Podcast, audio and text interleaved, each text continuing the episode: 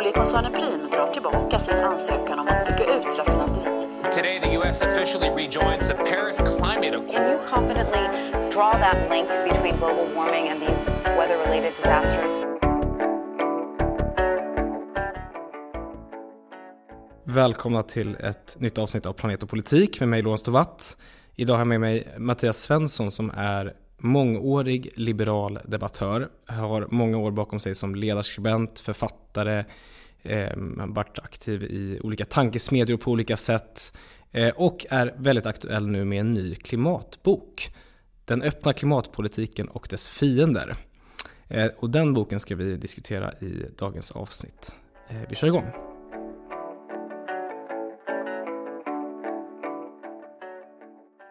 Hej Mattias! Hej. det var en överraskande inledning. Ja precis, jag, kommer ju, jag har ju en separat eh, intro här som, som har varit precis innan. Ja. Eh, som jag spelar in separat. Eh, hur står det till? Jo men det är bra. Mm. Du har mycket nu med böcker och grejer. Eh, ja, eh, jag, jag har ju då skrivit två böcker på, under förra året eh, samtidigt som jag eh, jobbat heltid på Svenskan. Så det, det, är inget jag rekommenderar, men, men det har ju varit roliga ämnen. Så det är dels att jag har uppdaterat Glädjedödarna, en bok om förmynderi som kom för tio år sedan, men som nu uppdaterats med alla nya dråpligheter. Mm. Eh, och sen eh, en bok som då heter Den öppna klimatpolitiken och dess fiender. Ja, och det är den vi ska prata om. Men de här böckerna skriver du för tankesmedjor. Du, klimatboken skriver du för Fores, eller hur? Ja. Och Glädjedödarna för Timbro, stämmer ja. det? Ja, precis. Så du kör liksom ledarskribent på heltid och sen så jobbar du liksom åt olika tankesmedjor samtidigt. Det är liksom ja. fullt ös. Ja, ja. ja men de, de har ju förlag också och jag tycker att det är, eh, det är roligt att kunna skriva för, för några som är intresserade av, av tankarna. För då kan man lite grann eh, nörda ner sig på ett sätt som kanske andra generella bokförlag inte är lika jag, mm. jag, tror de skulle haft fler synpunkter på vad jag skriver och då har jag inte samma frihet. Mm. Och lite bakgrund här. Det är inte första gången som du skriver om klimatet utan du har ju haft en historia där du har skrivit dels en klimatbok tidigare. Ja, sen... en, en, generell miljöbok som då miljöbok. hette Miljöpolitik för moderater. Eller som man kan kalla miljöpolitik för nybörjare, eller hur är det du brukar Ja, ja jo, jag, jag, brukar ju säga det att eh, den, eh, den titeln kom ju av att eh, Jag brukar säga när jag var hos borgerliga att det var en eh, miljöpolitik som inte är vänster. Uh, och uh, när jag var hos till exempel miljöpartister eller mer vänsterlutande så sa jag att det var för att det är en, politi- en, en bok för nybörjare. uh, för jag var ju rätt nybörjare på miljöfrågan då mm. eftersom en gång i tiden för hundra år sedan kring millennieskiftet så var jag krönikör på Metro. Och eh, anledningen till att jag fick fortsätta skriva krönikor där var att jag retade miljövänner med att skriva sånt som att skog gör sig bättre som tidning och Mm -hmm. och, och också liksom ifrågasätta om det fanns liksom klimatproblem mm. och sådär. För det var ju, det var ju varmt på, eh, på medeltiden och sådär liksom. Du, du hade ju en period, alltså nu var, det, det var ju tidigare när jag var liksom politiskt medveten, men jag vet liksom att du och liksom, vad ska man säga? Jag brukar, brukar tänka på dig som en generation av liberala debattörer som med Johan Norberg och liksom Fredrik Segerfeldt och de här. Eh, ni var inne i det där träsket ett tag där ni liksom eh, ifrågasatte mycket av ja, ja, ja, men jag älskar ju konträra teorier och ja. folk som ifrågasätter och liksom har du Göran Greider på andra sidan så kan du ju vara rätt säker på att, att det är något, något lut liksom. Mm. Uh, och, och liksom kultursidor generellt och sådär. Och det var, det, det, var ju så det såg ut. Uh, så det är klart att jag lockades till, uh, till klimatskepsis. Mm. och anammade och jag läste också ett antal böcker om liksom sån här att Nej nej, de flesta miljöproblem finns inte och sådär. Det var faktiskt en sån som jag började kolla upp eh, apropå och det var liksom länge sedan så det var, det var ju liksom freonutsläppen mm. eh, för eh, ozonlagret. Eh, och eh, det reglerades ju i Montrealprotokollet 1987 och sen var det 20 år senare så tänkte jag att jag skulle kolla hur det hade gått och sådär. Då hittade jag liksom att ja, men de här kalkylerna över hur mycket det skulle kosta och sånt där, de stämde ju inte alls. Eh, utan man hade hittat väldigt billiga substitut och, och eh, debatten om problemet var på riktigt var liksom helt över och sådär. Mm. Liksom. Och då fick man så här, jaha, det här var det så alltså när man följer upp? Eh, och sen började jag notera samma sak i klimatfrågan. Jag var bland annat på något sånt här möte med med klimatskeptiker och sådär. Jag kommer ihåg jag och Claes Eklund var där. Vi koll, liksom, det, var, det var någon som visade upp diagram och så bara Men det här diagrammet visar ju faktiskt en sjunkande trend för liksom istäckning och sånt där. För det var, han, han gjorde då en stor grej av att titta det varierar liksom. Men det var ju en säsongsvariation som inte visade trend och sådana här riktiga amatörmisstag liksom. Och sen, mm. sen så trodde de ju på alla teorier samtidigt. Det var, mm. det var, det var, solen värmer. Ja, alltså det, ja, liksom... det, det, är solen som värmer. Och så, det, det Men det värms inte. Ja, det har forskarna förstått tittat på. Och sen, ja, och sen liksom, nej, det har inte uppmätts rätt temperaturer. Och, eh, och, och, det är inte män, ja, det är människan men det är inte så farligt och, och snart kommer det en istid liksom och sådär. Och ja, det gör det om kanske 10 000 år men, men det här är ju ett problem för de närmaste 500 åren och det är kanske mm. mer det jag är orolig för sådär. Mm. Så så jag blev helt enkelt skeptisk till min klimatskepsis. Mm. Eh, plus att en, en av de här eh, som har varit skeptisk en bra bit in på 2000-talet, Ronald Bailey, vetenskapsjournalist på Reason Magazine. Eh, han gjorde, när, när siffror kom på det han tvivlade på, nämligen visade verkligen en uppvärmning. För det var några sådana här, något mellanskikt eller något sånt där som var lite skakigt. Och när det visade sig vara, eh, ja men de här måtten eh, var fel för att liksom och, och därför eh, ser vi det här nu också här.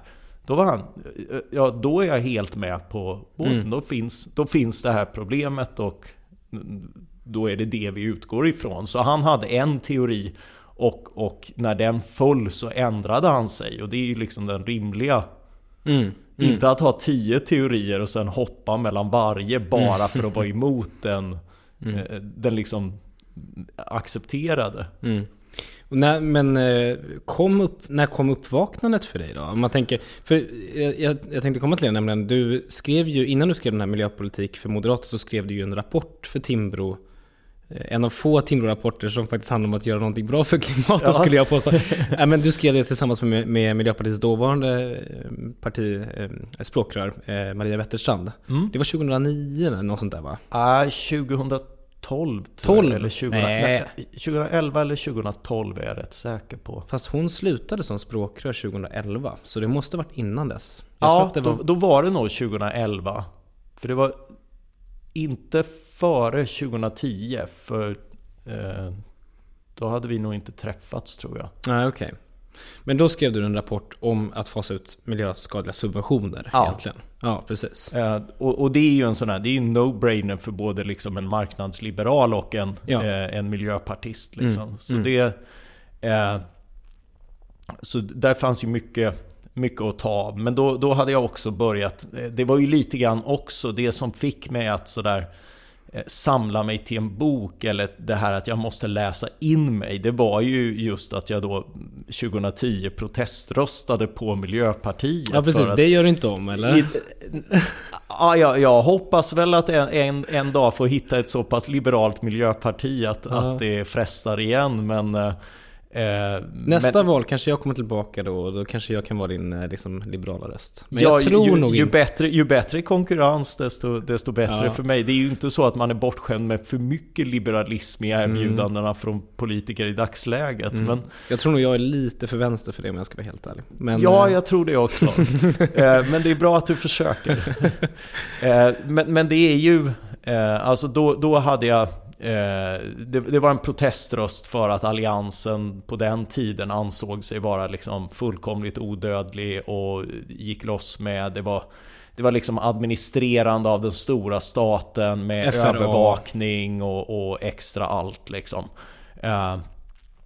Och, och då ville jag lite grann påminna om deras dödlighet, att de inte kunde räkna in allas röster för givna. Och jag har väl aldrig varit så utskälld i hela mitt liv, så det var, det var väldigt roligt.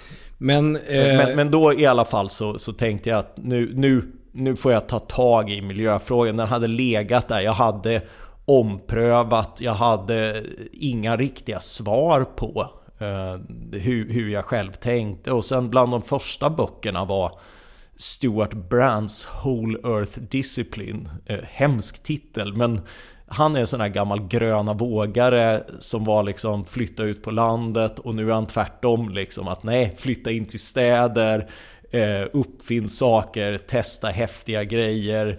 Eh, men liksom väldigt kalifornskt. Eh, så han är liksom miljöpartist, teknik, optimist, kalifornier liksom. Så, och det perspektivet tyckte jag saknades i den svenska debatten. Så, så inspirerad delvis av det så, och lite annat så skrev jag. Mm. Ja men vad kul. Eh, och nu då precis har du kommit ut med en ny bok. Eh, som du nämnde. Eh, berätta. Du, vad, vad handlar den om? Vad är, vad är taken?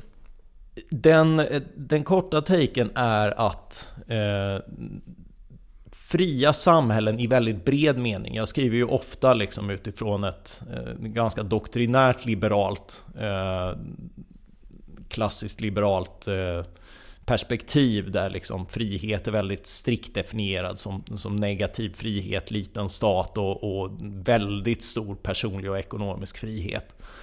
Men i bred mening fria samhällen, alltså den typ av demokratier som vi har vuxit upp i eh, och vant oss vid men, men som nu är, är liksom påtagligt på defensiven är den bästa typ av samhällen för att lösa olika slags miljöproblem.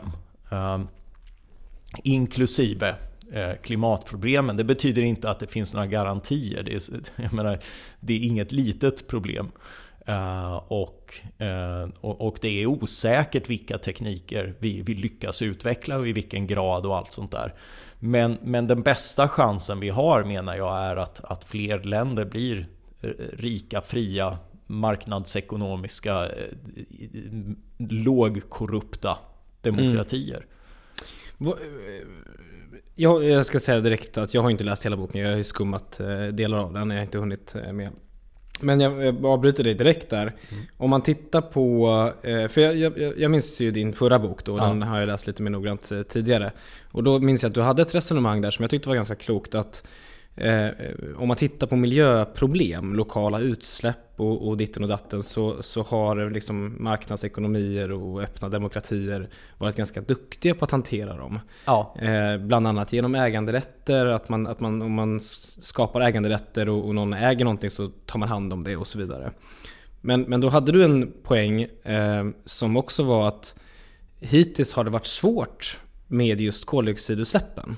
Ja. Av det skälet att det liksom är en global allmänning. Ja. Eh, någonting som är svårt att privatisera eller eh, Alltså man kan, man kan ju inte ge folk delar av atmosfären på samma sätt. Nej, nej, alltså det, det är ju...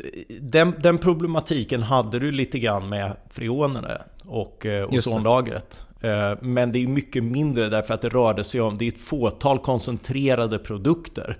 Eh, Jag menar koldioxiden och, och andra växthusgaser, det är ju all, all energi vi använder, allt liksom så här, vad är 80% fortfarande som är från fossila energikällor. Och som insatsvara i de flesta produkter som vi köper och sådär. Ja, Mm. eh, och, eh, och, och det gör ju liksom att det, är- det är en problematik av en helt annan magnitud. Eh, men, men lika fullt, alltså, eh, där är ju inte lösningen, lösningen är ju inte att någon äger atmosfären, tyvärr på ett sätt, därför att då hade du ju liksom kunnat ha liksom någon form av väldigt strikta krav och sådär. Men, men det handlar ju dels om att att snarare än att ersätta en skada så handlar det om att undvika en skada och det är dessutom liksom att undvika en, en framtida skada. Så de som släpper ut är ju inte nödvändigtvis de som få leva med konsekvenserna och sådär. Så det är, det är, det är verkligen ett, ett miljö... Om du satt på ett seminarium och tog fram ett miljöproblem för att vara så svårt som möjligt att lösa mm. på många sätt eh, så är det ju det här. Samtidigt så eh, John Hassler, ekonomen, var på, eh, var på min release och påminde om att ja, på ett sätt så är det ett ganska enkelt problem. För det handlar liksom om att sluta släppa ut, eller liksom minimera utsläppen av växthusgaser. Mm. Uh, så det är, inte, det, det, det, är inte svårt att se vad vi ska göra, utan svårt att göra det. Det är lite mm. som alla karaktärsproblem och sånt där. Liksom det, du vet vad som är bra och nyttigt för dig, men det är svårt att göra det. Men om jag får fastna lite i din mm. problemformulering här ändå. Bortsett från det här med att det är svårt att privatisera atmosfären och sådär. Så är det ju, om man tittar på liksom siffrorna så är det ju ändå så att det är precis som du säger att mycket av lokala utmaningar i, i lokala utsläpp och så här har ju vi i Sverige varit bra på. Till exempel om vi tar Sverige som exempel här då. Mm. Men om du däremot tittar på just utsläpp av växthusgaser. Mm. Eh, om du tittar på mm, liksom, eh, snittsvenskens påverkan vad gäller liksom resursåtgång, liksom, eh, vad man konsumerar och så vidare. Och, och om man tittar på dels våra egna utsläpp så ligger de väl på 7-8 ton per år. Om du dessutom räknar med en del av utsläppen som kommer från att vi konsumerar andra varor så är det mer än så. Ja. Och så jämför du det med ett, ett land som inte är lika utvecklat på de här andra mm. delarna. Mm ta ett land i, Afrika till exempel, då har du ju en helt annan påverkan på miljön. Alltså som är mycket mindre om du tittar på just... Oh ja, oh ja, oh ja. D där har du ju inte... Eh, så på det sättet så är ju liksom eh, rika länder i hög grad medskyldiga till, till att problemet uppkommer. Och det är ingen skillnad mot tidigare egentligen. För jag menar, det har också varit rika industriländer som släppte ut alla tungmetaller och, och freoner mm. och sånt där också.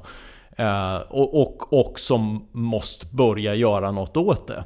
Eh, det är bara anledningarna som har blivit globala snarare än kanske lokala och sånt där. Och det är ju också en intressant idéhistorisk resa tycker jag. Att eh, hur, hur sent egentligen i, i, utvecklingen som, som hänsyn till det här överhuvudtaget blivit en fråga. Mm. Eh, där, därför att no, fram till när Eh, på, på 30-40-talet så, så var ju den accepterade visdomen att, att ju högre skorsten och ju längre avloppsrör liksom, det, så håller du problemen ifrån dig. Mm. Eh, och det var ju sant till en viss gräns liksom. Och sen märkte man att det överträddes. Så det finns ju såna här roliga reklamfilmer från, jag tror det är 50-talet, från skärgården och sådär. Det blir så skräpigt om ni slänger liksom burkar och förpackningar i vattnet. Utan packa ihop dem och sänk dem till bottnen liksom. Mm. ja, det var så myndigheter som gick ut ja, med rekommendationer. Exakt, exakt. Lägg en sten i påsen. Ja, ja just det. Uh, och, uh, och, och, och, det där gjorde vi ju med, med ammunition och allt möjligt från andra världskriget som fortfarande kommer att uh, kan, kan komma tillbaka och hemsöka oss i Östersjön liksom. Och föreställningen att, att liksom utsläpp tar sig över nationsgränser och, och försurar och sånt där. Det är en insikt som sjunker in på 70-80-talet, alltså när jag växte upp. Eh, och då har man ändå kunnat göra ganska drastiska saker åt dem. Eh, alltså svavelutsläpp och sånt där är ju bara enstaka procent av vad de var på 70-talet. Och även om man tittar på klimatutsläppen, de har ju i runda slängar halverats från svensk horisont. Uh, och då kan man förvisso addera hur, vårt konsumtionsavtryck. Men det är också, alltså oljeimporten har också halverats uh, sen, sen 80-talet ungefär. Uh, vi har inte oljepannor och annat. Och det har ju funnits både ekonomiska och andra motiv till, till det.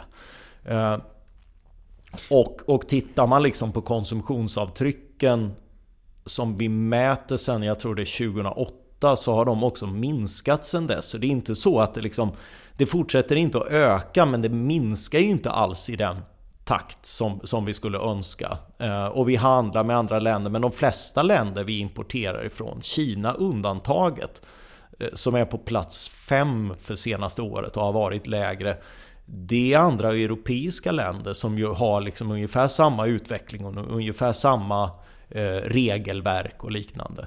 Eh, så, så, eh, så mycket går ju i rätt riktning också med den här typen av samhällen. Det är här problemen finns, men det är också här lösningarna finns. Mm. Och, och, att vara fattig är ingen lösning på någonting överhuvudtaget. Visst, det är mindre klimatutsläpp, men å andra sidan har du ju alltså 3 till 4 miljoner människor som dör årligen av dålig inomhusluft när, när du eldar på eh, inomhus från, från vanlig ved och, och annan eldning. Liksom. För, och, och, kvinnor och barn i väldigt stor utsträckning. Så, eh, så att komma bort ifrån det och till en industrialiserad tillvaro är ju på många sätt att bli av med omedelbara mänskliga miljöproblem, alltså dåligt vatten, dålig luft och liknande. Eh, så på det sättet, jag menar, att, att hålla delar av mänskligheten kvar i fattigdom är ju liksom en oacceptabel lösning enligt alla parametrar ändå. Mm, ja, men det håller jag verkligen med om. Men, men sen kan man ju, man kan ju också föra ett resonemang som är att eh, öppna, rika demokratier som handlar mycket att, att liksom den modellen så att säga, den är ju bra för fattigdomsbekämpning och så vidare. Men att den modellen i sig också driver på eh, handel och jag menar om man tittar på handelns utveckling de senaste 50 åren så har den liksom ökat hur mycket som helst och under de här åren så har det globala resursuttaget bara liksom slagit i taket och liksom Jag menar det kommer ju med de här den här, de här förändringarna som är positiva för fattigdomsbekämpning. Och det är ju det där som också är lite svårt. Menar, om man mm. tänker din utgångspunkt här, att det just är de här länderna som är positiva. Ja, ja. Att, att, att det, det, finns en motsättning där som är svår att hantera. Ja, ja, ja. Eh, det, det, finns en motsättning. Eh, den är svår att hantera, men, men det är den enda typ av modell som faktiskt hanterar dem. Därför att vi tenderar ju att ständigt få ut mer av mindre. Och, och mer också med mindre utsläpp. Och det har vi gjort för svavel, det har vi gjort för tungmetaller, det har vi gjort för, med freoner. Eh, utan, eh, alltså tillväxten har fortsatt men utsläppen har minskat. Radikalt minskat till tiondelar och hundradelar av vad de varit. Eh, och samma resa behöver vi göra med koldioxid och växthusgaser. Det är svårare. Det går mm. inte alls i samma takt. Det går förmodligen inte, kommer förmodligen inte att gå i den takt som skulle behövas enligt de mål vi har satt upp. Och det kommer att leda till en större uppvärmning än, än vi önskar se och som är riktigt säkert. Mm. Men, men det är fortfarande så att, att liksom, den, den, här modellen lyckas leverera både och. Och jag tror det talas liksom om att nej, nej, men om, om vi liksom slutar här och nu, liksom, vi ska inte ha någon mer ekonomisk tillväxt. Liksom, sådär. Men det, det är lite grann en icke-fråga därför att det handlar inte om att vi släpper ju inte ut på acceptabla nivåer. Det är inte det att liksom vi, vi skulle kunna stanna här. Eh, utan hela poängen är att komma ner till tiondelar och hundradelar av vad vi släpper ut idag. Mm. Och jag tror väldigt få vill leva på tiondelar och hundradelar av vad som produceras idag. Så mm. att liksom bara skära ner på liksom vad vi konsumerar och producerar, eh, det är ju liksom en icke-lösning. Eh, så då tror jag ju mycket mer på att liksom investera, utveckla eh, och, och, och se vad det tar oss. Därför att ingen är beredd på alternativet. Det, det, det går att skriva och, och sälja jättemycket böcker på det budskapet och på motsättningen. Men, men när det kommer till kritan, sån här eh, David Owen tror jag han hette, som hade någon sån här tillväxtkritik om, om the Prius fallacy, om, om folk som köper sin, sin elbil eller, eller sin uh, med, med biobränslen och sådär och sen, sen så ökar man konsumtionen eller man köper någon sån här eh, solupplyst eh, lampa och sätter i trädgården och så tror man liksom att det har minskat mm. konsumtionen sådär. Mm. Eh, och det är ju roliga exempel, men jag menar väldigt mycket av det där. Jag menar elbilen eller biobränslebilen ersätter trots allt en bensinbil. Uh, för det mesta. Det är inte så att du skaffar en extra. Uh, särskilt inte så dyra som elbilarna är Men... nu. Uh, och på samma sätt om du värmer med, med bergvärme eller, eller liksom med solpaneler så sker ju inte det istället, eller plus en oljepanna utan istället för. Så det mesta av konsumtion är trots allt sånt som som vi investerar i någonting nytt som ersätter något mer utsläppsintensivt. Jo, men samtidigt så har vi ju hela den här problematiken med att vi samtidigt, alltså nu, vi ska inte ha ett seminarium om ekonomisk tillväxt nu, men, men, men jag tänker att även, även teknikutveckling har ju den, den tendensen att den gör saker effektivare som du är inne på. Alltså eh, mer för mindre utsläpp så att mm. säga.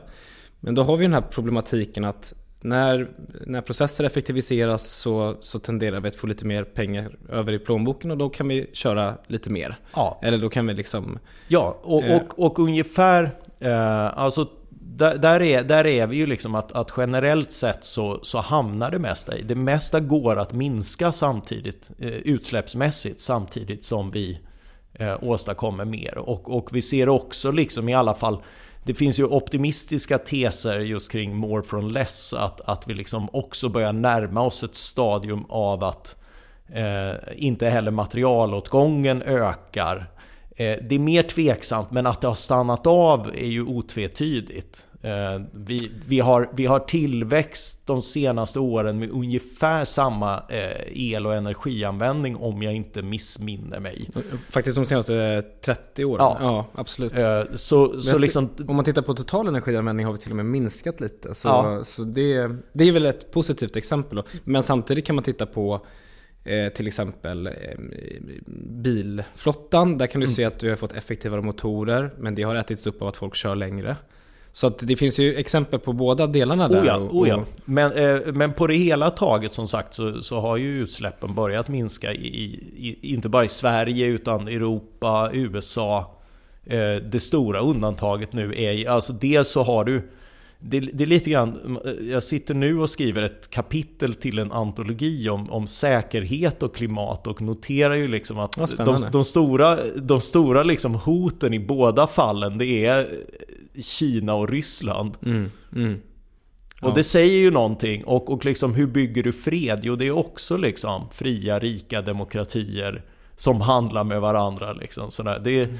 Eh, det görs jättemycket av att det inte har gjort demokrati av Kina och, och Ryssland. Liksom. Mm. Eh, du kan alltid välja den vägen. Men, men, men den är dyrare och svårare i, i och, och, och, kräver ju liksom att en, en okänslighet för för ekonomiska konsekvenser.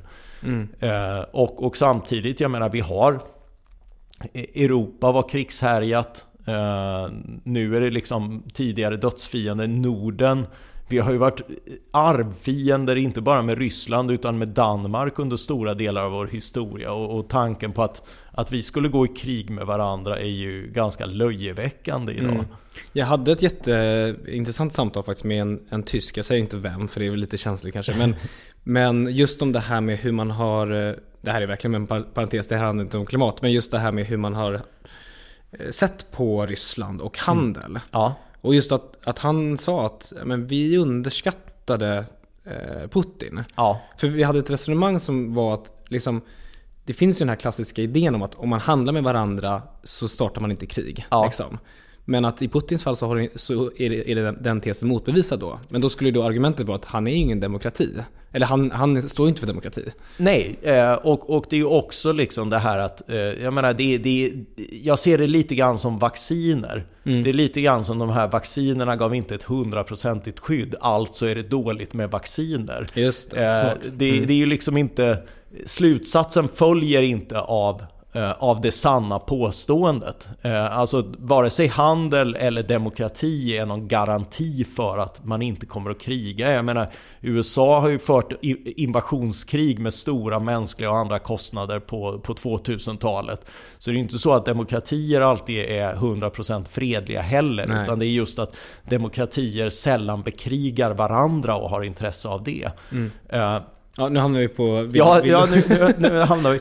Men, men, men det, det, lustiga är ju just att, att det hänger ihop på många sätt. Och att, eh, mm. att, att det handlar om... Och det har lite grann varit en tanke i min bok att... Eh, det, det var ju då före geopolitiken klev riktigt in som, som i år. Men, eh, men just det här att ge fria demokratiska samhällen och just fria i den breda mening som omfattar i stort sett alla och den samhällsmodell som ändå förenar bakom politiska skillnader. Mm. Eh, kring ett självförtroende kring allt denna modell innebär i termer av, av liksom plu, åsiktspluralism, eh, olika sfärer, alltså granskning av makten och, och, olika uppfattningar och dynamisk marknadsekonomi och möjligheter. Apropå handel till exempel så du har ju inte en möjlighet att ställa om i tid som inte involverar att sälja energisnålare och bättre produkter till hela världen. Nej, det beror ju på vad man menar med ställa om då. Men... Eh... Ja, ja men liksom men, men visst, ett, ett svenskt företag som utvecklar lastbilar som släpper ut mindre och sådär. De påverkar inte bara Sverige utan hela världen just genom att man, man, man säljer till mm. marknader. Och när vi sitter och tar fram eh, stål och, och, cement och annat om, om det lyckas. Det är, det är ju eh, chansningar förstås. Liksom. Men, men om det lyckas så bygger ju hela den kalkylen. Mm. Både den ekonomiska kalkylen bygger på att vi kan sälja på en världsmarknad, inte bara till Sverige. För mm. det är för lite, då får man inte ner styckkostnaderna. Och, och för det andra så så får du inte den snabba omställning som du får om du kan sälja bättre, ersätta liksom det det, det miljöskadliga med, med det miljöbättre. Mm, jag önskar att du inte tog just lastbilar som exempel, för där har vi ju historiskt sett eh, ställt till mycket mer skada än nytta skulle jag säga. Ja. Jag, jag, det var väl ganska många sådana här, vi hade ju sådana här handelsavtal med, med massa sydamerikanska länder. Ja. Och där, där man mer eller mindre uttryckligen sa att ni får köpa lastbilar av oss, men på ett villkor, det är att ni inte bygger järnväg. och det är ju ja, verkligen en ja, katastrof för ja, klimatet. Men, eh, men jo, visst, jag fattar ja, poängen. Eh, och det är ju liksom, jag menar, där, där hade marknadsekonomin varit din vän. För det är ju liksom ja. ett, ett merkantilistiskt sätt att trycka på, inte nödvändigtvis den bästa produkten, utan produkten vi råkar vilja sälja som land. Mm. Eh, så... Ja, men jag fattar vad du menar. Ja. Men du, eh, om vi, om vi börjar titta på liksom vad du eh, argumenterar för, för liksom politik här. Mm. För det är ju, det, du har ju en del politik i, i boken. Ja. Vad är, vad är, jag kan gissa huvudpoängen här, prissätta koldioxid. Eller är det din viktigaste? Eller vad, vad skulle du säga? Så här, jag tycker att det viktigaste, och det är därför jag har lagt upp boken, den, den som, eh, det har du kanske märkt när du läser den, mm. du får bläddra ett tag innan du kommer till de politiska åtgärderna. Ja, för du pratar först om varför just eh, de här samhällena är eh, Viktiga. Ja, därför, därför, att det är hela samhällen, det är processer som vi inte nödvändigtvis, alltså de går inte att kommendera fram.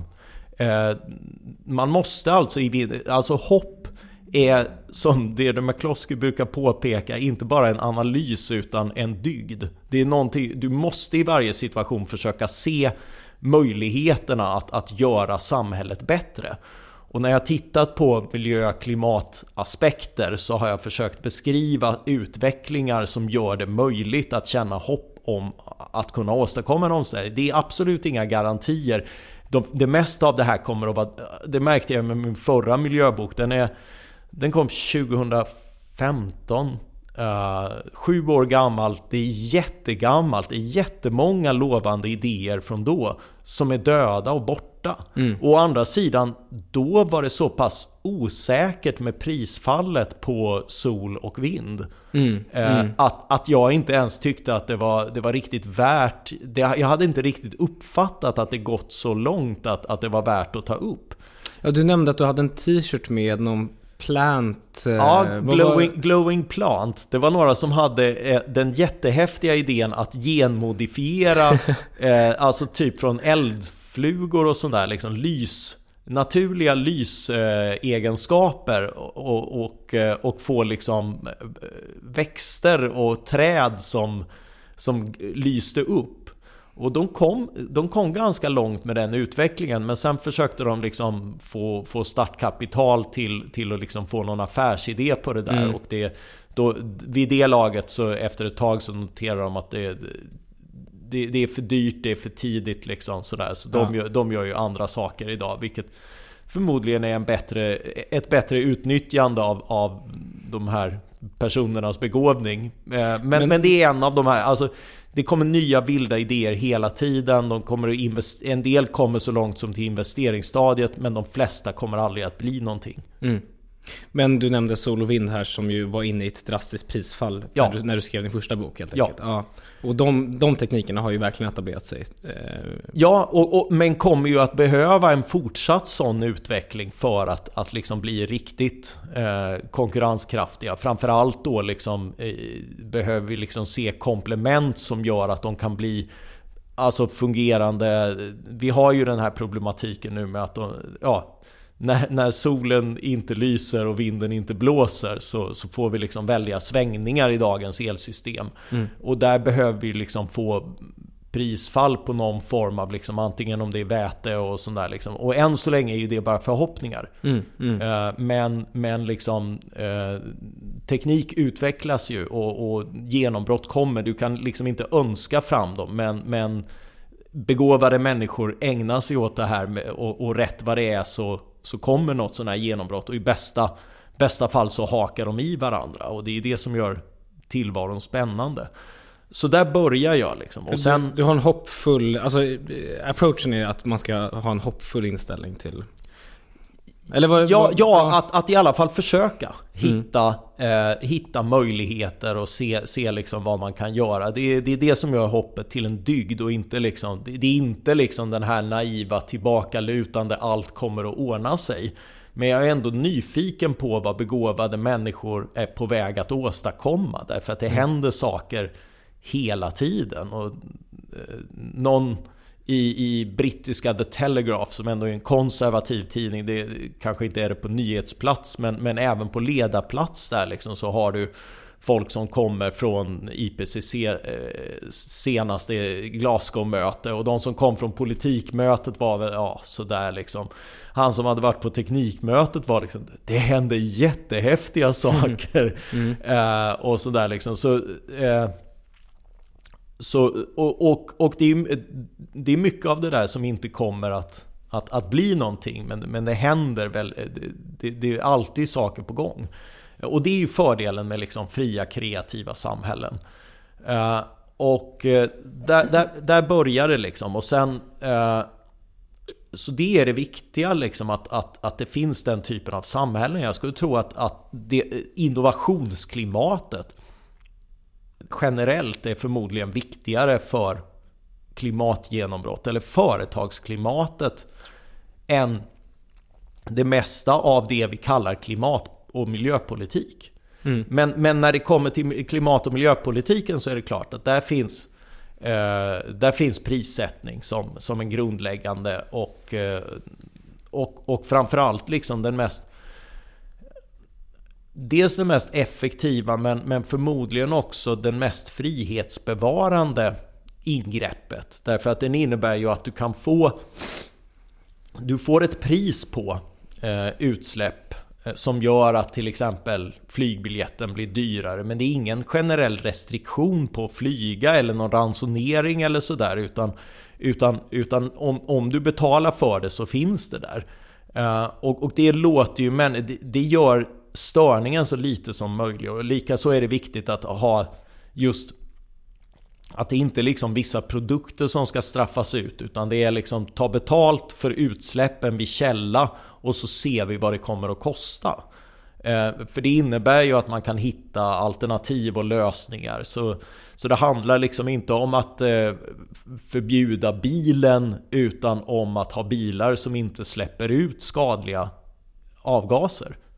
Och, och hur, hur tänker du då kring eh, senaste liksom årens eh, uppror mot höga eh, energipriser? Vad tänker du kring det då? För det, för det är ju en liksom, om man tittar på, gud, du vet att du, jag vet att du nämner det, gula västarna och Ja. liksom, även här i Sverige så finns det motsvarande. Eh, vad, vad, Ja, ja, det är ju den typen av avvägningar man kommer in i. Eh, alltså, det bevi- alltså, på något sätt så är det talande att du ser att mot all form, när det slår mot någon form av mobilitet, så får du väldigt snabbt Mm. Alltså näst, nästan från folkdjupet reaktioner. Apropå den här diskussionen om anywheres och somewheres.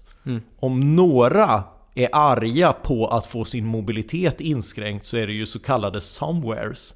Eh, folk som bor på, på landsbygden och liknande. Eh, människor vill och uppskattar möjligheten till rörlighet. Den, är- den är liksom inte bara livsnödvändig utan, utan liksom högst önskvärd. Att du får den typen av reaktioner är talande för att det finns någonting där som, som man behöver ta hänsyn till. Eh, hur snabbt man går fram och liknande med, eh, med avgifter och sådär. Eh, och, och någonting det talar om för oss är att den typ av... Om du bara skulle ha prismekanismen för att uppnå de transportmål vi har satt nu, då skulle ju bensinen kosta 45-50 kronor idag. Och det är inget parti, inklusive ditt, som är beredda att gå dit. Och, och, och valt det av en anledning. Där, Ja. därför, att, eh, därför att det visar liksom att det går inte att forcera den här utvecklingen hur mycket som helst. Då stöter man emot andra hänsyn som också är viktiga. Jo, men då är ju problemet lite att det är som att säga då att eh, den medicinen som du vill sälja här på, för att lösa det här problemet, det är att den helt enkelt inte duger. Vi kommer inte klara hela vägen. För Ja. har, då måste man liksom acceptera att de inte är tillräckliga de här åtgärderna. Som. Eh, ja, och det är en av poängerna att alla politiska åtgärder, eh, hur önskvärda de än är, eh, har gränser och, och avtagande nytta. Du kan, prismekanismen, att, att sätta ett pris på utsläpp, är den bästa åtgärden. Men du kan bara använda det till en viss gräns. Eh, av, av demokratiska skäl men också liksom rent fysiska och faktiska. Eh, och på samma sätt är det med alla andra åtgärder om du ska subventionera eller, eller vad du kan göra. Har ganska påtagliga och avtagande nyttor eh, och problem. Eh, har du en stark miljöbalk så, får du, så skjuts klimatintressen åt sidan och så vidare. Den typen av motsättningar kommer du inte ifrån och gör, det, gör politiken till ett begränsat instrument. Det är inte så att, att, att du liksom genom mer politik nödvändigtvis åstadkommer mer utan efter ett, efter ett tag så blir åtgärderna kontraproduktiva. Men så, det du menar är helt enkelt vi kommer inte nå våra mål och vi får köpa det? Eller alltså, för det, Det blir är- väldigt pessimistiskt att tänka. Jag har ju ändå en, jag har ändå en idé och tanke om att Sverige ska ha noll utsläpp redan 2035. Så det, och jag menar, och jag tror att det är möjligt. Men det blir tufft förstås. Men, det, men du tänker att nej, det, vi, kan inte, vi kan inte utgå från att det kommer gå för att politiken kommer inte kunna genomföra så kraftfulla åtgärder. Min poäng är att politiken kommer inte kunna bestämma Det här ska uppnås, nu uppnår vi det eh, Utan att liksom köra över liksom väldigt mycket andra värden och, och låta liksom väldigt mycket stå åt sidan.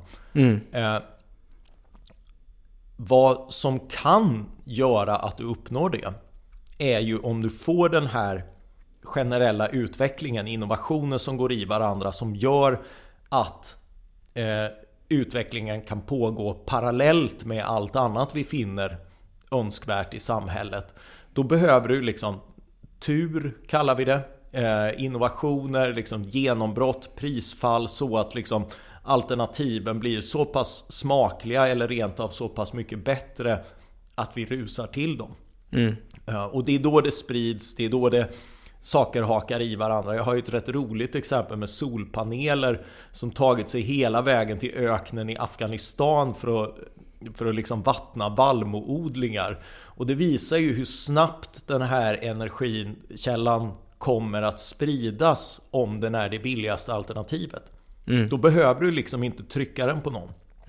Får du tillräckligt många sådana processer att haka i varandra Då kommer ju omställningen gå som en dans.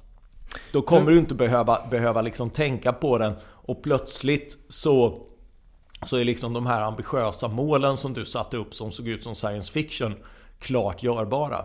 Men det krävs den typen av processer och då måste du ha isen i magen att liksom inse att det här handlar inte bara om politik. Det här handlar inte bara om att vi sätter upp ett mål i vårt land och driver igenom det oavsett kostnader och oavsett konsekvenser. Om du förstår. Jo men jag fattar vad du menar. Men jag, jag tänker att ett alternativ till det här synsättet är ju naturligtvis att tänka att vi ska ha ett högt pris på koldioxid. Vi inser Mm. att det kan inte vara hur högt som helst för då får det perversa konsekvenser liksom, på andra sätt. Liksom.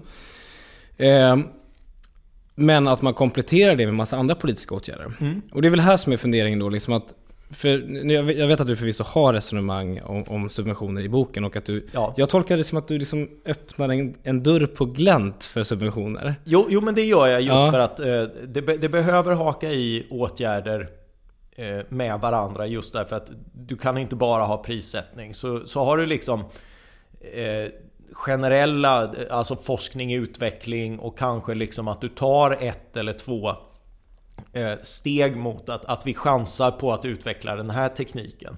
Där har ju det, det här händer ju redan eh, i många länder och, och en erfarenhet vi kan dra av detta är just att det är oerhört dyrt för ett enskilt land att på ett enda område driva en sån utveckling. Ta Tyskland med liksom som till stora kostnader eh, har liksom satt igång den här processen av, av prisfall på vind och sol.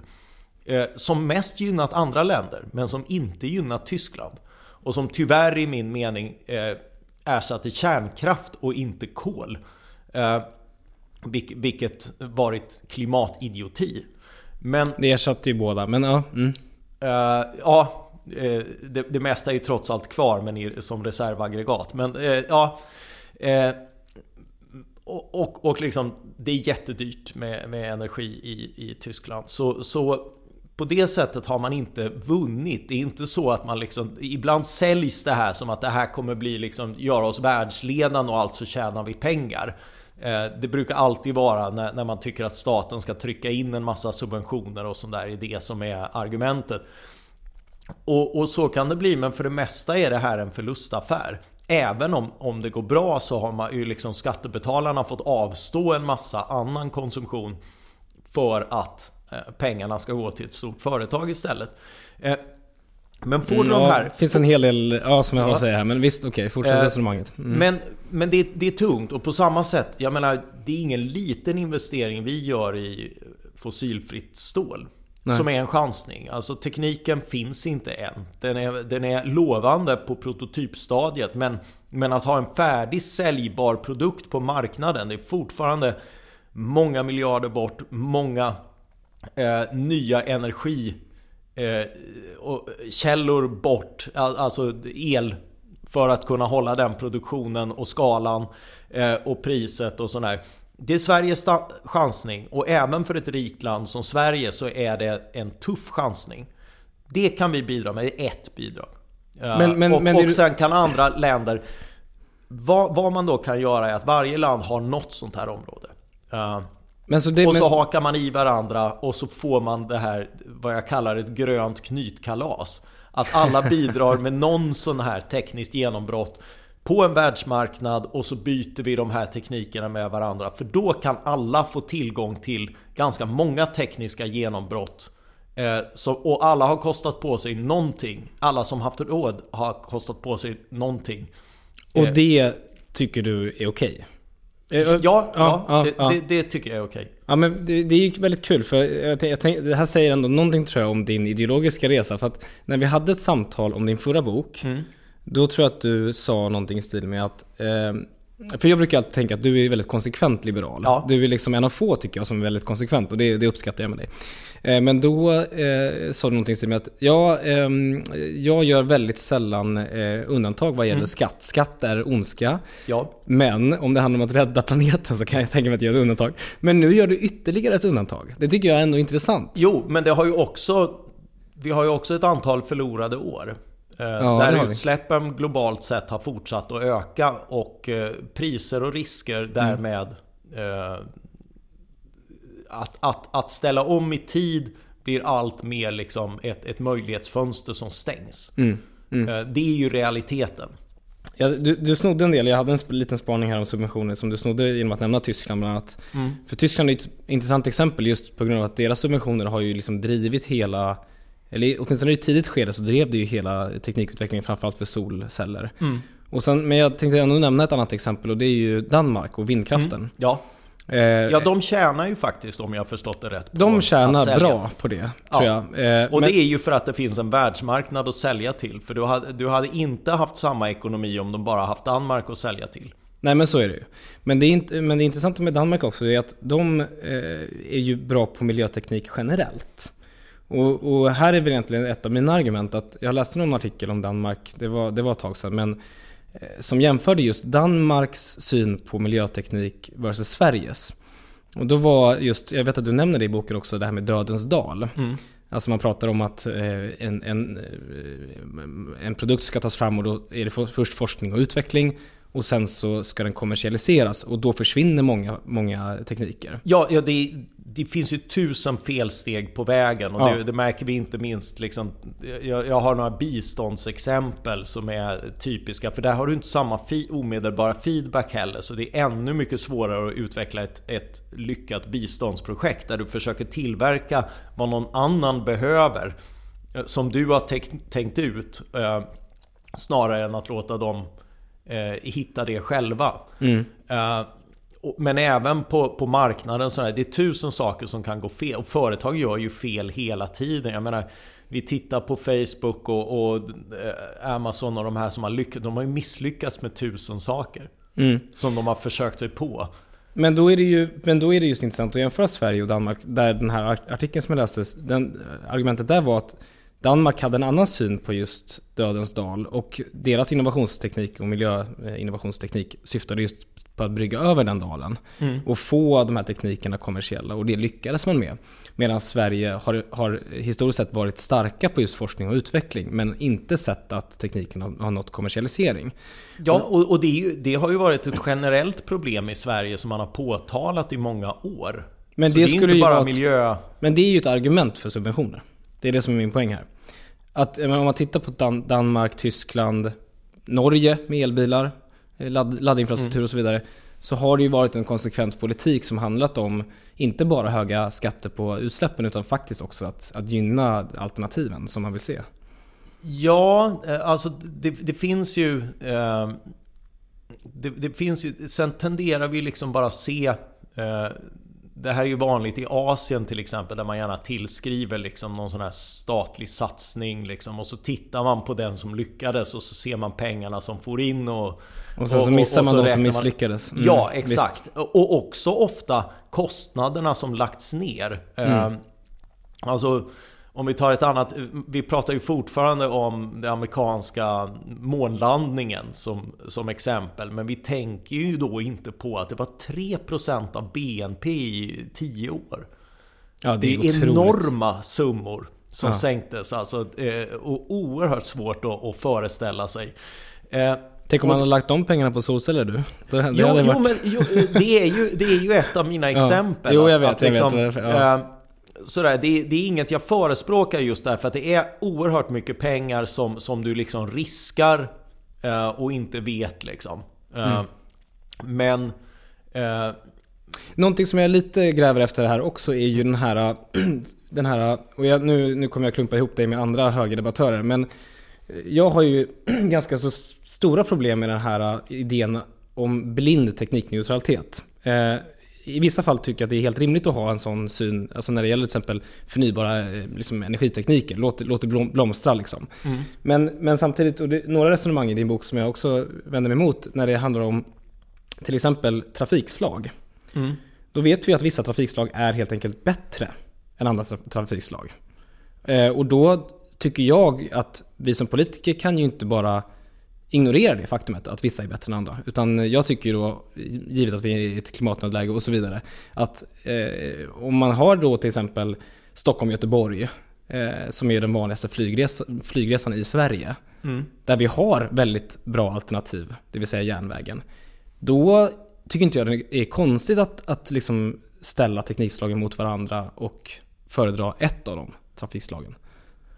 Alltså, och, det, och, den här, och det här tycker jag är, men, och nu klumpar jag ihop det med andra som sagt, Ja. men, men jag blir väldigt, ehm, jag blir lite allergisk mot just den här blindheten inför att vissa saker helt enkelt är bättre än andra. Och jag tror, du nämnde det, jag, jag det var intressant det, det du skrev om bilar och pris på koldioxid. För då, Ja. då nämnde du att vi ska inte jaga bilen, Men sen så kom du också till en, en, en, en del av boken där, där du beskrev att bilen faktiskt är sämre i stadsmiljö än i andra områden.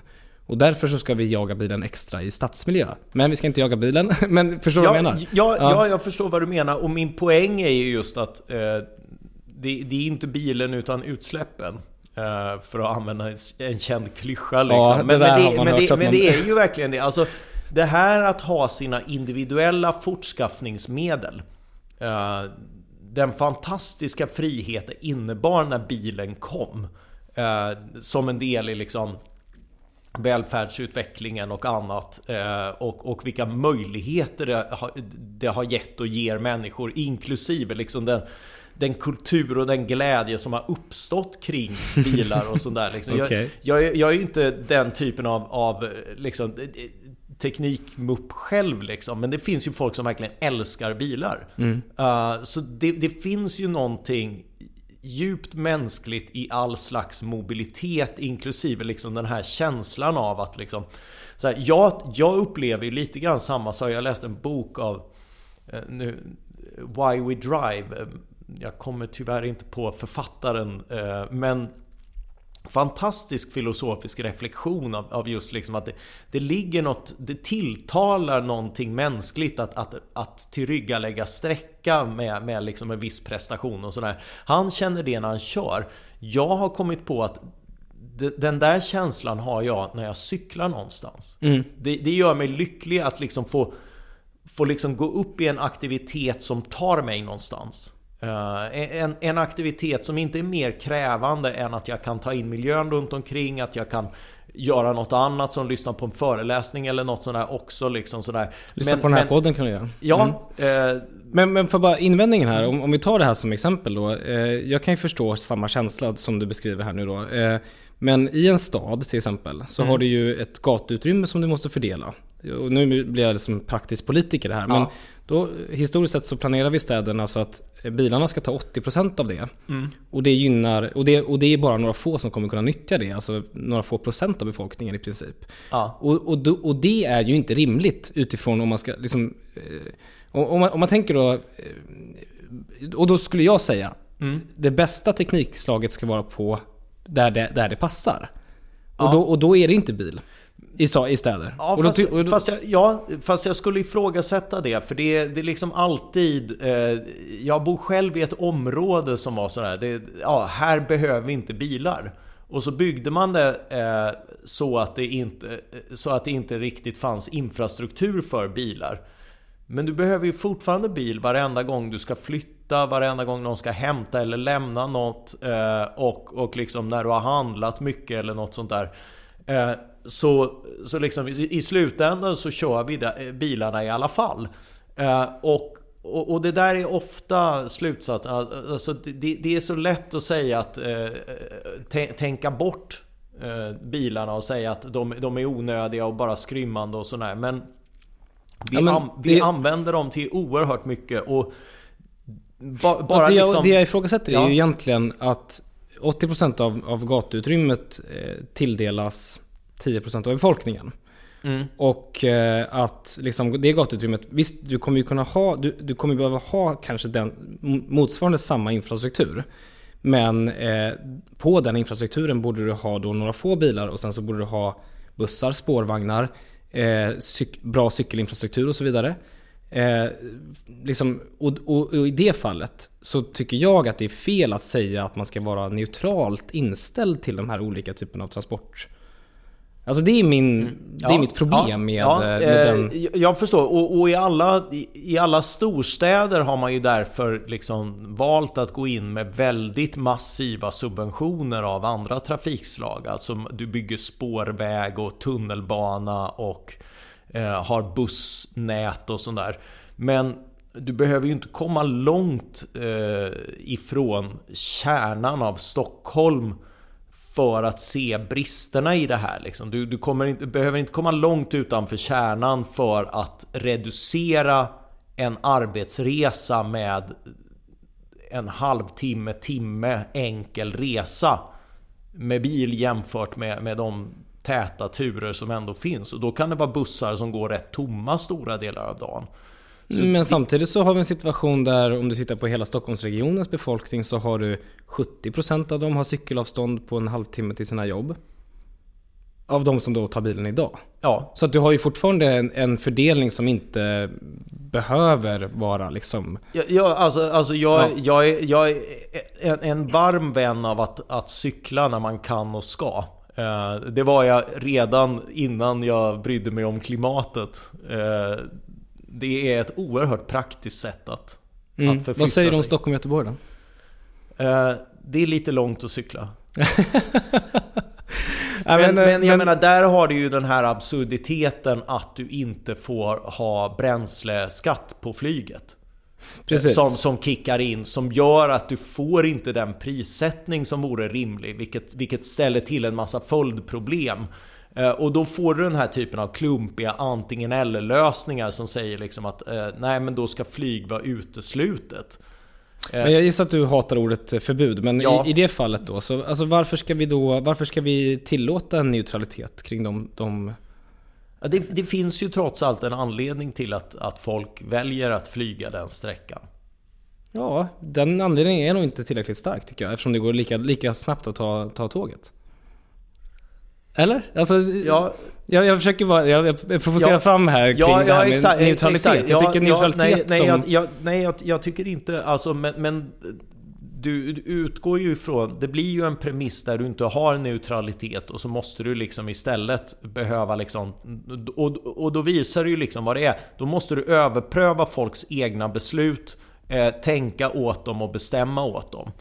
Eh, och, och liksom förmena dem alternativ till att göra som du vill. Eh, och det tycker jag är en betydligt sämre lösning. Än, än liksom en prissättning som lämnar valet åt människor själva. För då, det här är då vad som... Då är det liksom ransonering, någon som bestämmer, någon som talar om vad du får göra och inte göra, någon som ger dig vad du ska ha snarare än att du kan köpa det själv och så vidare. Och, och då blir det liksom, då blir vi undersåtar och det är du som bestämmer. Mm. Inte mig emot. Jag skojar Mm. Eh, nej men du, eh, vi måste runda av strax. Men du, du, några sista ord bara om, för du, eh, det hör man ju redan i, i rubriken. Klimat, den öppna klimatpolitikens fiender, vilka är de då?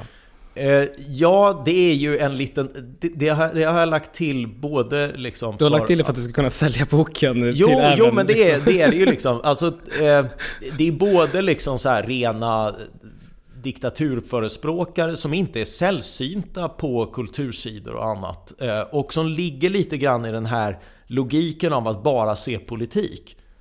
För om det bara är politiken som är aktör och du har ett stort problem då blir ju liksom logiken, ju mer politik desto bättre. Och det allra bästa är en politiker eller liksom en stat som då kontrollerar allt och bara det här ska optimeras. Och det är ju så barnsliga människor som Torbjörn Tännsjö och andra tänker sig liksom en, en global klimatdespoti och, och sånt där. Det är kul att du kallar Torbjörn Tännsjö för, för barnslig. Ja, jo men... Eh, Ja, ja, men visst, visst. Eh, Mm. och, jo men det, och, och det finns andra också med, med fina akademiska titlar men, men liksom väldigt begränsade handlingar eller, eller tankar och väldigt begränsat vad andra kommer att tillåtas. Och det där är ju liksom en logik som inte håller därför att den tar inte alls hänsyn till att, att politik, eh, till och med önskvärda politiska ingrepp har avtagande nytta Eh, Går du för långt, går du för snabbt, går du för forcerat så förstör du. Jag har till exempel Kinas vindkraftsutbyggnad när liksom en tredjedel av vindkraften man har byggt inte ens kan kopplas upp till elnätet. För det var liksom det är enligt plan så allt är liksom det här skulle byggas liksom och sen om det funkar eller inte med planer så, det har ju gjort för, för gröna drömmar vad det gjort för röda drömmar liksom att, att forcera den här utvecklingen och det, det blir ju extremen av vad vi också liksom försöker på andra ställen och en varning i sin renodlade form för varför det här inte funkar. Det är inte bara att det är moraliskt fel utan också att det är opraktiskt. Och sen finns en massa jag, jag blandar ju stort och smått så inklusive liksom Göran Greider som vill liksom förbjuda allt som han liksom, folk att skjuta raketer på nyårsafton och sådär. Mm. Och då, då, handlar det ju liksom mer om att ja, nu får jag förbjuda folk någonting som jag inte gillar. Liksom, sådär. Miljö, all, alla stora hot lockar ju den typen av människor. Och, mm. eh, och, och posörer på kultursidor som liksom bara Alltså bara använder klimatfrågan för att ältra sin medelklassångest liksom. uh, och, uh, okay. och, och, det, och det där, mm. ja och då är det ju också liksom, då ska du bara måla så svart som möjligt. För att liksom förklara att allt är omöjligt och att alla som på något sätt försöker lösa den här frågan. Så det är både du och jag, eh, även om den ena vill se mer politik och den andra liksom mm. eh, litar mer på, på liksom marknadsdynamik. Men vi är båda liksom bara, varför försöker ni ens? Och det är ju hopplöst. Och det, det blir mer liksom en, en säljande snuttefilt för, för långa kulturartiklar. Eh, och, och jag har samlat lite några sådana som, som stör mig och som jag tycker leder klimatfrågan in på farliga men också felaktiga och dumma lösningar som vi varken har tid eller råd med. Eh, och sen samtidigt liksom så avslutar jag ju detta, denna utskällning med att det här är inte för att tysta er. Mm. Ett, ett samhälle behöver sina avvikare och galenpannor och eh, Uh, och, och posörer och allting, liksom sina, sin pluralism av röster. Det här är för att jag har lyssnat på er och bemöter er. Det här är för, uh, för att liksom illustrera också att, för det finns poänger med alla de resonemang jag tar upp utom diktatur och planekonomi som, som man kan liksom lära sig av i, i rätt sammanhang. Och det är inte det att anhängarna av den öppna politiken, det öppna samhället sitter på alla svaren. Utan det är just att den formen, det pluralistiska samhället eh, ger oss maximala möjligheter att experimentera, pröva, hitta lösningar. Därför att jag tror att den attityden måste vi ha också här. Det är inte så att vi vet allting redan idag, hur det kommer att funka.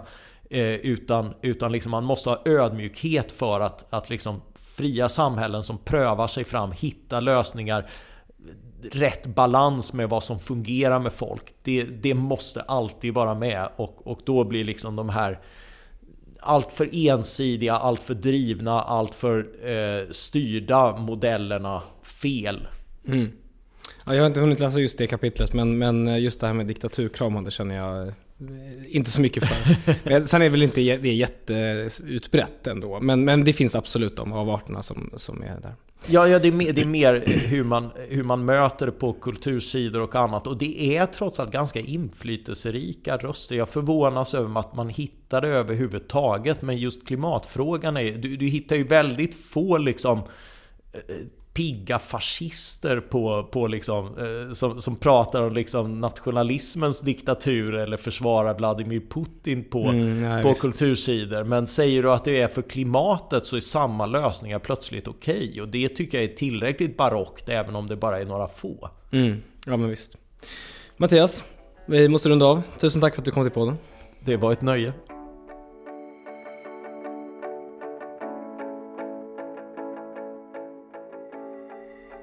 Tusen tack för att du har lyssnat. Det här har varit ett till avsnitt av Planet och politik. Eh, boken heter som sagt Den öppna klimatpolitiken och dess fiender eh, och den finns att eh, få tag på via Fores, eh, den gröna och liberala tankesmedjan. Eh, tack till Christian Hanner som hjälper mig med klippning, ljud och vignett och vi hörs igen om en vecka.